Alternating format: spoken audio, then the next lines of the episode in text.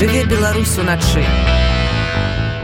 Беларусь увайшла ў топ-5 краін свету па колькасці разводаў пададзеных аан летась у нашай краіне на тысяч чалавек прыпадала ажно чатыры разводы горш сітуацыя выглядала толькі на мальдывах у Казахстане рассеі ды Бельгіі про тое чаму мы не умеем дамаўляцца са сваімі сужэнцамі ці кожны чалавек прыдатны для доўгатэрміновых адносінаў і што рабіць каб быт і штодзённасць не забівалі каханне паразмаўляем з мою госцей сямейным псіхо психологом Вольгой Рабцевой. Спадарня Вольга, доброй вам ночи. Доброй ночи. Ну и распавядзіце мне и нашим слухачам, чаму ж, чаму ж люди все часцей разводзяцца і у чым асноўная прычына таго, што ну не можам мы знайсці нейкае паразуменне са сваімі каханымі.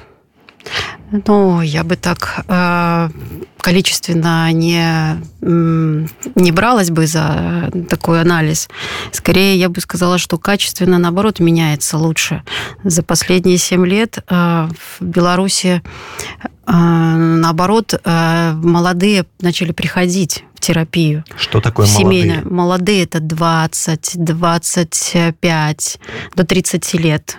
И в этом возрасте уже есть свядомость, что треба проговорить да, и размовлять. Да, да, вот, вот и, и, я думаю, что это популяризация психологии сработала. А вот именно семейных семейных отношений, вообще в принципе отношений, что э, коммуникативная функция э, в паре это самое главное. То есть то, как мы умеем говорить, умеем э, говорить, слушать и слышать друг друга. И казалось, что это самое главное на данный момент. Але і психотерапевтична бацькоў мы гэтага не чулі. Вось, не, не чулі. мы можем гэта мы в Ютубе глядзім мы гэту інфармацыю про тое что трэба нейкім чынам дамаўляцца размаўляць прагаворыць праблемы. Адкуль мы гэта подкрэсліваем вот адтуль і что ад бацьком это не чулі но вельмі добра э, э, бачылі як они жывуць. І, і, так і, і так не хочуць. Вот почти каждый кожная пара якое прыходзе на не хочет так жыць Они прямо так, они прямо так и говорят, да, они так прямо говорят, я не хочу так жить, как живут мои родители. Это прикладно, ведаце, як з алкагалізмом. Ёсць два варианты. Альбо я буду паўтараць за бацькамі, таму што яны пілі, і я так буду піць, альбо э, гэта адрывае просто раз і назаўжды. Ну, там не только про алкоголизм, я бы так не обобщала. Там, в принципе, да, алкогольных семей очень много. Детей, которые выросли в алкогольных семьях у нас, я бы сказала, может быть, каждый четвертый, пятый, потому что прямо существует а, термин, он уже давно введен, взрослые дети алкоголиков. И в постсоветском пространстве, к сожалению, это очень распространено. Але добра, давайте вертаться до разводов. До разводов. Какие, да, какие основные прычыны разводаў з чым да вас звяртаюцца вось людзі на мяжы разводу разумею што ну все ўжо просто апошні крок застаецца і что гэта что іх туды прыводзіць і что з'яўляецца гэтым поводам я б сказала что смотря в каком узросте они приходят э, на консультацию ну вось у людзі до 30 і... гадоў до 30 годов. В основном это кризис, когда появляются дети. Вот именно нормативный кризис рождения ребенка. это не очень... уваги? Нет, это э, кризис, который в норме вообще-то появляется в семье, да, после того, как появляется ребенок. Почему-то многие семьи думают, что ребенок а, объединяет семью. На самом деле нет. Он вносит очень хороший дисбаланс в семейную систему. Ну, потому что семейная система это два человека было. Они не успели еще, например, настроить свои взаимоотношения, а появляется еще третий. А третий приходит, э, разбалансирует буквально все. Режим дня, э, все интересы, э, бюджет, все, все начинает меняться. И пара, конечно, входит в очень жесткий кризис. То есть, а что такое кризис? Это по-старому мы уже не можем, не работает, а по-новому не знаем как. А по-новому нужно договариваться, по-новому нужно выходить на новый уровень взаимодействия а это вот как раз мы возвращаемся к коммуникативной функции. Умеем мы говорить с друг другом или не умеем? Умеем мы слышать и договариваться или нет? Ну, глядите, э, с того, что я ведаю, как распавядалі мне мои добрыя знаёмыя і гэта не адзінка выпадкі э, часцей за ўсё калі ў сям'і з'яўляецца дзіцяці то жанчына аддае 99соткаў увагі менавіта дзіцёнку а мужчына ён застаецца без гэтай увагі і з-за гэтага у і пачынаюцца вось гэтая праблема мужчын спрабуе данесці ну Ну я ж таксама тут ёсць весь свет не будуецца вакол дзіцёнка звярні на мяне ўвагу э, жанчыны часцей за ўсё гэта не шуюць лічыць што ну просто мужчыны прызвычайны што заўжды і львіная доля увагі ішла яму а цяпер ён просто зайздросціць. І паразумецца ў гэтым плане вельмі складана. Да правда есть такая праблема но она такая двоякая с двух сторон во-первых проблема в том что мати 24 на 7 находится с ребенком. И если ей некому помочь, у нее действительно, извините, в прямом тексте едет крыша. А, я таким парам вот прям настоятельно рекомендую, вот он приходит домой, если она была дома, вот прям отпускать ее. Если она не уходит сама, вот прям выгонять ее с дома на час, на два, чтобы она просто походила, занялась своими какими-то вопросами, разгрузилась и пришла, перезагрузилась и пришла а, про то, как э, действительно некоторые мамы, если э, уходят в такую позицию, э, я же мама, э, и я всегда говорю, что объясняю таким парам, что есть, э, когда вы только сходитесь, есть супружеская подсистема. Вот вы супруги. Все. И вы здесь, в этой подсистеме, должны настроить отношения. Но когда появляется ребенок, появляется еще одна подсистема родительская. Это, я почему делаю акцент? Еще одна. Потому что супружеская никуда не делась. Ее тоже нужно кормить ее тоже нужно смотреть и вот и как-то уделять ей время. То есть, соответственно, ну, куда-то ребенка, может быть, на няню, еще как-то. Ну вот именно чтобы супруги а, друг друга еще смотрели. Потому что когда по, по, по, грубо говоря, по сценарию наших родителей, а, они практически у всех одинаковые, когда рождались дети а, у наших родителей, то есть мы, да, то супружеская система просто практически переставала существовать становились только родители. Все. Ну, то есть все, все нужды, все материальное, все начинало работать на то, чтобы лучше детям, детей надо воспитать, детей надо вырастить, э, все ради детей, все для детей. И э, хорошо, если хоть какая-то романтика, хоть какие-то ритуалы чисто вот этих двух супругов сохранялись. Это очень важно сохранять в семье. Ну, сначала нужно это настроить, потому что бывает, что в семью уже входят, например, уже, ну, семью строят уже, например, беременные. А, то есть вот этого периода а, налаживания отношений именно супругов вообще практически нет. Просто практически сразу вот мы поженились, и через какое-то время сразу пришел третий. И все происходит практически одновременно. То есть там супруги, они даже не побыли вместе, они даже какие-то свои ритуалы, вот а, там, не знаю, Владимира и Кристины не, не сделали вот отдельно от детей вот какие мы были, вот что, вот ну, как мы... А, у меня была такая пара, а, которые пронесли через 20 лет. А, очень такой классный ритуал. Я всегда привожу пример его на семейных консультациях. Он раз в месяц пишет ей на красивой бумаге приглашение в какой-нибудь новый ресторан. И не приходит домой в этот день ну, то есть с работы он прямо едет туда и ждет ее там. А она прихорашивается, собирается и так волнуется прям каждый раз и едет к нему на встречу. А ёсць нейкая такая формула, як выбраць свайго чалавека, як не памыліцца. А, есть, а, во-первых, а, ценности должны совпадать. Бо калі мы двух выпіваем значится мы на гэтым это не ценности это зависимость. Ценность это немножко про другое. Каштовности? Ценность это то как мы относимся к жизни э, к людям а, в грубо говоря даже к родине да то есть э, потом к родителям к детям какие у нас э, цели в жизни, э, какая скорость у обоих, э, какие амбиции. А каштоўнасці павінны быць аднолькавымі ці процілегласці прыцягваюцца?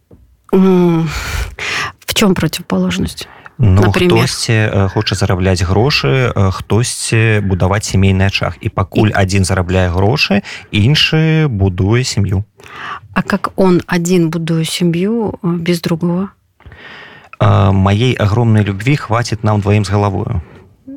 Так это все равно тогда будует только одна голова. Ну, так, огромную любовь. Але бывае, а другие? бываюць такія ж сем'і вельмі шмат. Да, бывает. прычым абодва лічыць себе задаволенымі у гэтай структуры а, если не задоволены то не вопрос опять же зараблять гроши и к чему-то еще стремиться помимо работы, да, то есть именно в семье расти, развиваться, это ну, разные вещи. Ну, то есть она может тоже зарабатывать, она может работать, он может работать. Ну, к чему они вообще в целом стремятся в жизни? То есть в отношениях надо смотреть не друг на друга, а вперед, куда мы смотрим вдвоем. Бо потенциально два кар'ерыста могуць выбудаваць нармальныя адносіны. Вот проблемы.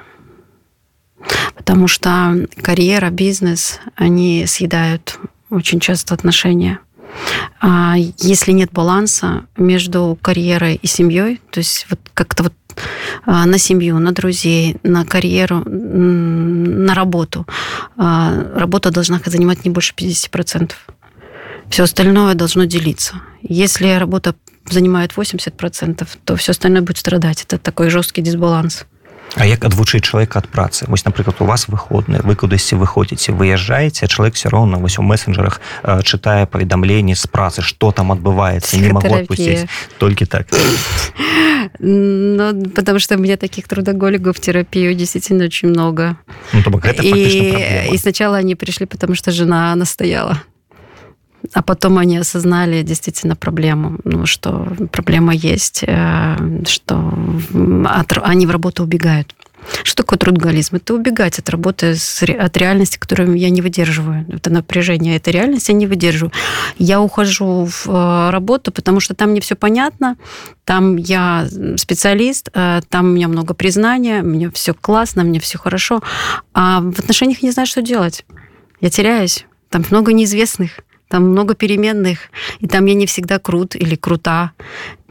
Поэтому... цікава ж расці вучыць нешта новае вот там ты уже дасягнуў чагосьці там поставлена галашка і можна э, поставіць э, знак паузы і развівацца ў нейкай іншай галіне но похоже не всем цікава не всем цікава А як такім выпадку адрозніць здаровыя адносіны ад нездаровых есть общее такие э, нормы. Есть, скорее, еще и можно было так индивидуально еще потом про, про это тоже сказать. Но общая норма – это, конечно же, отсутствие психологического, физического насилия. Всегда говорю, что если вы позволили друг другу оскорбить каким-то образом друг друга, да, вы перешли черту у вас уже произошло психологическое насилие. То есть все, ну, то есть вы перешли на личность. Ну, там, ты дура, сам дурак, да, все. Это, это, это личность. у яких люди не переходят на особо. Подождите, перешли на личность. А следующий этап, а, да, вполне возможно, что можно и физически. Сначала это толкание, потом это может быть удар, и это так, физическую границу перешли. Возвращаться обратно до того, да, то есть когда я ее только оскорбила или я его только оскорбила, уже сложнее. То есть границы нарушать и двигать к себе очень легко. А вот восстанавливать колышки, двигать от себя очень сложно. Э, и поэтому я всегда вот парам, которые приходят молодые, всегда говорю, самое главное в отношениях – это бережность. Самое главное – бережность. А, вот вы бережны к себе – бережных также к партнеру. То есть э, договоритесь, поставьте табу между собой, что вы, как бы ни злились, вы можете кричать или еще что но только не оскорбляйте друг друга. Не называйтесь, ну, там, не переходите на личность. Не переходите. Оказывается, можно. Годами вот можно правило, это не делать. Это, это правило. Правило да. сварки, так? Это так да, да, да. Не, да, не называй меня, не оскорбляй меня. Мы будем ругаться, мы будем повышать но только не оскорблять друг друга. Не переходите эту черту. Потому что единожды это сделав, э, это уже так, ну, как-то э, все, что сегодня рывок, завтра норма, послезавтра нас за это уже спрашивают. То есть э, все, что сегодня мы сделали как рывок, завтра для нас это становится уже нормой. А все пары переживают аднолькавыя проблемы? Нет. Чем они адрозніваюцца? Личной историей каждого, а, особенностями характера, я бы сказала, даже особенности травмы, которую человек несет а, из своего родительской своей системы. А, и также семейный сценарий очень сильно влияет на то, как будет проявляться человек в новых отношениях, в собственных отношениях. То есть каждый, как бы он хотел, не хотел, он все равно чуть-чуть несет неосознанно из своей родительской семьи. Так как, как я говорю, каждый приходит со своим рюкзачком, и вываливает и говорит, так, будет так, как вот у меня в семье. Там второй говорит, нет, будет так, как у меня в семье. Я говорю, слушайте, давайте вы возьмете что-то вот у каждой семьи, что вам... Вот договоритесь, что вы возьмете, да, такое, что вам надо действительно, не все подряд, а что надо, и снова свое построить.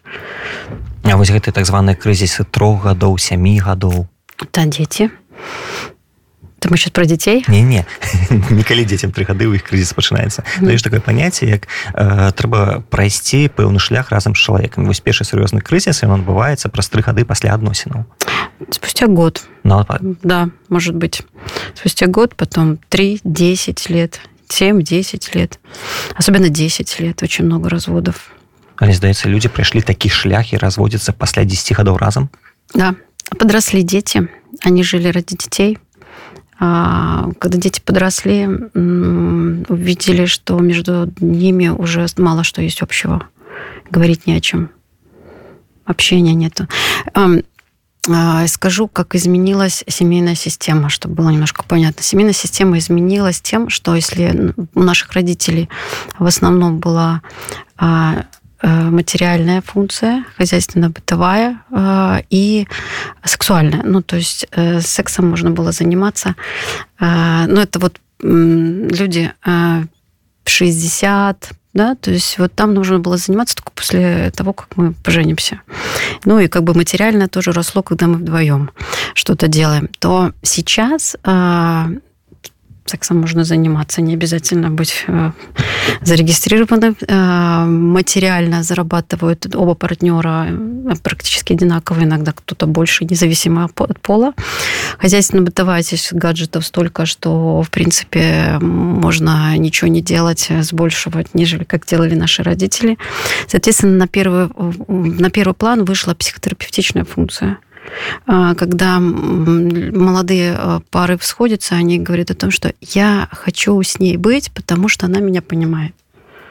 Она меня поддерживает, а, мне с ней хорошо, мне с ней тепло, а, я хочу с ней быть. И он меня поддерживает, он меня понимает, мне есть с ним о чем говорить, у меня много интересного, мы можем часами разговаривать. А, и вот, из, вот это вот самая главная функция. Все остальное уходит на второй план. Думаю, значение секса в относинах, оно уже переоценено. Нет, скорее это вторая важная вещь. Коммуникация, секс, далее что? Хотя коммуникация, это, э, секс это протяг коммуникации. Это проява коммуникации пэўная. Хорошая мужская позиция. Вы не згодны? Но это какая-то коммуникация, но на другом совсем уровне, я бы ну, так сказала. Да. В чем проблема? Проблемы хорошо, хорошо, если их нет проблем. А, нет, сексуальное тоже важно, но если сходились только на сексуальной какой-то да, теме, то понятно, что через полгода, может даже раньше, гормональный фон снижается, и все становится ну, так спокойно, плавно. Не цікаво. Э, я бы так не сказала. Но многие воспринимают вот именно этот период, как все, любовь прошла. Э, тревожно, наверное, все, у нас больше ничего нет. Мы друг друга не любим. И иногда бывает расходятся на этой теме. А, а здесь, наоборот, мы переходим уже в совершенно в другую стадию отношений, где они более глубокие, где близость наконец начинает формироваться. А до близости люди не успевают э, добежать. Они думают, что влюбленность это самое главное. Но влюбленность и любовь это разные вещи. А вось гэтая схема яшчэ наших бацькоў сцерпіцца слюбіцца там э, разбяремся яна працуе ці не и слава богу, что она працуе уже в меньшей степени, чем у наших батьков. Потому что стерпится, слюбится, и дети, которые росли в этих семьях, ну, сейчас частенько на терапии, я слышу, что практически, наверное, с малого возраста они просили своих родителей о том, чтобы они развелись потому что было невыносимо смотреть, как у них терпится и любится. А какие есть прикметы того, что уже надышоў час скончваць адносіны? Когда приходит пара ко мне на терапию. Я задаю вопрос двум партнерам что вы готовы делать для того чтобы отношения продолжились? А, он отвечает ну, там все да? Второй пары, второго человека задаю вопрос, а что вы готовы делать, чтобы отношения... Говорит, ничего. Я пришел сюда закончить отношения. Все. когда оно, оно, мы не зависим от этого, когда они, то есть вот, ну, они закончатся. Бывает, что люди бьют друг друга годами и живут. Это уже другая история, это созависимая система да, с, со всеми вытекающими. А, а бывает, что вот, ну вот все, вот они пришли, и один не хочет ничего делать. Я тогда с Элеви мы работаем на развод. Угу. На нормальный человеческий развод, если, особенно если есть дети. А як у такім выпадку адпусціць адносіны якія табе ўжо не прыносяць радасці шчасця задавальнення? У тебя ёсць нейкае разуменне што адносіны патрэбныя але ты ад іх не атрымоеш аніякай асалоды і баишься іх згубіць? Как отпустить технически да, ну, или эмоционально? І тэхні... тэхнічна гэта паставіць штэмпель у пашпарце эмацыйна эмацыйна эмацыйна Это самое сложное. Потому что чем больше ты вложила в отношения, тем а, там скорее даже не за отношения человек держится, а за тот а, огромный а, замок, который он выстроил, и сколько он туда строил, сколько он вкладывал, и за ожидание от этого замка. И это все равно, что взять и своими руками это все разбить. Это очень большая ответственность, на которую не все сразу идут. Вот взять и разрушить, завершить отношения, поставить, ну, особенно если это семья. То есть прям, ну вот я когда слышу текст, он говорит, я должен разрушить собственную семью. Это колоссальный кусок ответственности. Это огромный шаг. К нему ну, ну так просто не подойдешь. Э, с, с легкостью. Это потому что ну, и, и каждый из партнеров хочет, чтобы другой сделал этот але решающий але шаг. Не он. асобы якія дапамагаюць вось пайду-ка я со сваімі сяброўкамі параюся што ж яны мне скажуць а я со свайго боку пайду-ка з маці сваю паразмаўляю якая якая невестку недалюблівая і тут адныя наслухаліся сябровак іншыя наслухаліся там маці тат сёстраў братоў і вырашылі што вот мы зробім так і так. Вот наколькі у важна у адносінах слухаць нейкія трэція бакі ці не трэба упускаць гэтых трэціх асобаў у сваю сям'ю вось як падзяліць як абмежаваць гэта ўсё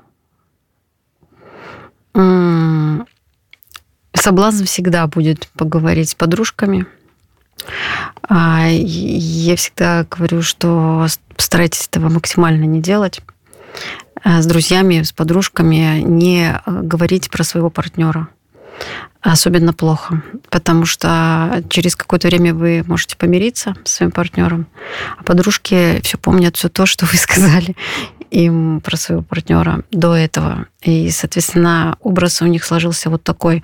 Это не очень объективная третья сторона, э, которая не поможет э, в решении проблем именно это, этой семейной пары, потому что они не знают всего, они не понимают, потому что когда семейная пара э, или кто-то из партнеров приходит, он, он почему на семейную терапию приходят оба? Потому что надо что слышать двоих. А как подружкам идет кто-то один. И подружки, естественно, или друзья, они слышат только одну сторону и воспринимают а, проблему только с одной стороны. Конечно, они посоветуют то, что посоветуют. Хотя здесь две стороны могут, два, два варианта они могут посоветовать. Да ты что, с ума сошла уходить? Не надо никуда уходить. Ой, ты такой, иди оттуда быстрее. Зачем? Мы тебе давно говорили, что ты с ним вообще связалась.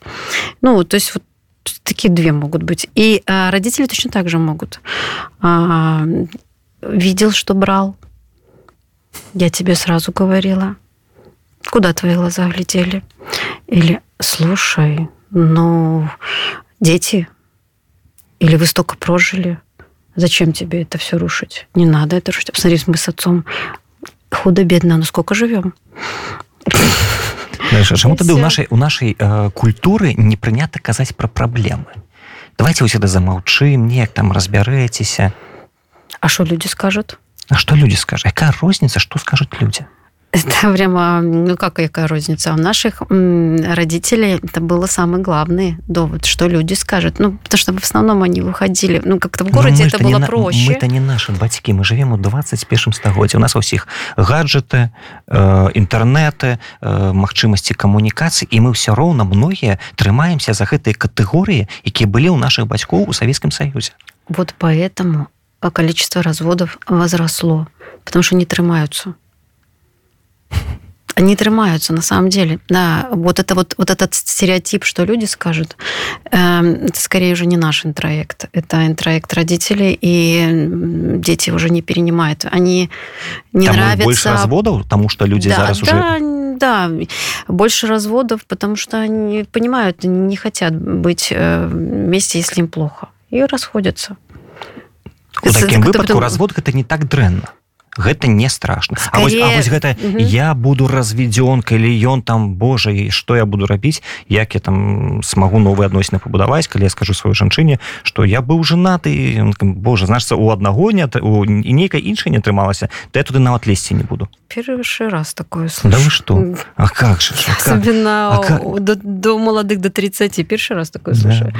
наоборот некоторые говорят побыла значит уже все проверенная проверенная да гэтых праблем якія былі у наших бацькоў іх ужо не існуе да наоборот женщины которая по советском пространстве самая главная проблема это не развод самая главная проблема это как входит в отношения если бы входили в отношения как я считаю немножко позже нежели в постсоветском пространстве э, привыкли входить, а, и социально социум давит на них, а, на девушек, а, на парней не так, на, именно на девушек, что 25, давай думай что-нибудь, сколько уже можно, давай думай. Э, але гэтая мяжа все ж таки она изменяется. Слава богу, растет. Но очень трудно растет. Потому что я вижу... Ну, в Западной Европе 40 годов да, выйти да. замуж, иметь первого детенка, это абсолютно натурально. Да. И я прям в ужасе, когда там 19-летняя, 20-летняя девочка хочет уже замуж, э, и, а как она говорит, «А, хочу стабильность. Так хочу стабильность вся краіна про стабільнасць з іншага боку калі пайсці ў лякарню і жанчыны ўжо у нашым у наших лякарнях у беларускіх 30 гадоў гэта ўжо старарадзяшыя Я скажу более страшную вещь. Я так устала от некоторых э, рекомендаций наших э, гинекологов, слава богу, не здесь, которые, э, что девушка в 25 лет, ей уже настоятельно рекомендуют родить, потому что ну, уже возраст. И мне это просто дико слушать какой возраст в 25, но это правда есть такая проблема. И я прям злюсь, и всегда девушкам, которые приходят вот так, в такие перепуганные у них еще отношения, не выстроились, они говорят, нам родители уже сказали. То есть ну, какая-то такая позиция, что э, неважно, какие отношения, важно, чтобы ты уже ну, как-то физиологически все это решила до 30.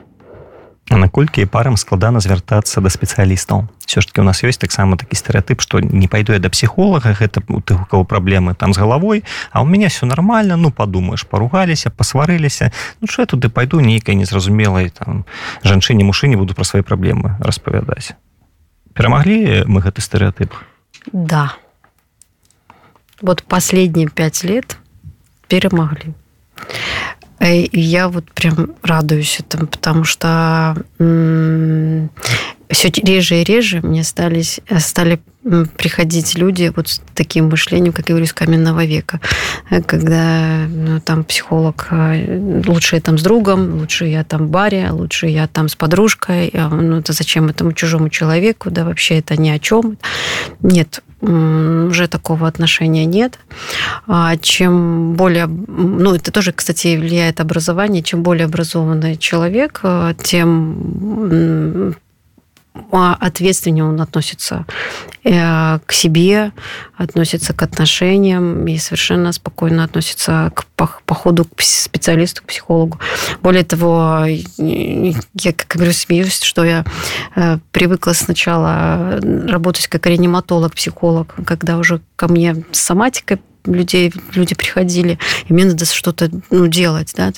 А потом, а сейчас стали приходить люди, которые в свой ежедневник внесли посещение психолога. Вот фитнес, косметолог, психолог. Э, и я понимаю, что реанимировать там не надо. Там просто разбираться надо. Ну, просто человек хочет разобраться в себе. И это совсем другая категория уже. То есть это люди не то, что не думают, что кто такой психолог, они а, воспринимают его как очень необходимую специалиста в своей жизни. Резюмируючи нашу размову, які для вас сакрэт і таямніца сямейнага шчасця у чым яна заключаецца чым яго рэцэпт разговаривать друг друга разговаривать не в претензиях уметь слушать и слышать слышать что значит это значит менять что-то после того как услышал тогда это значит тебя услышали. А поддерживать друг друга, очень бережно относиться друг к другу. А, и хотеть друг друга. И кахать. Кахать и хотеть. На этой... Вожделение – это тоже как одна из частей семейного, так сказать, счастья. Счастья в паре. усім парам з гэтай нагоды я жадаю шчасця ольга дзякую вам вялікі за нашу размову я нагадаю нашим слухачам что сёння госцей радыёнет была сямейны псіхолог ольга рабцева дзякуеш раз Дзякуй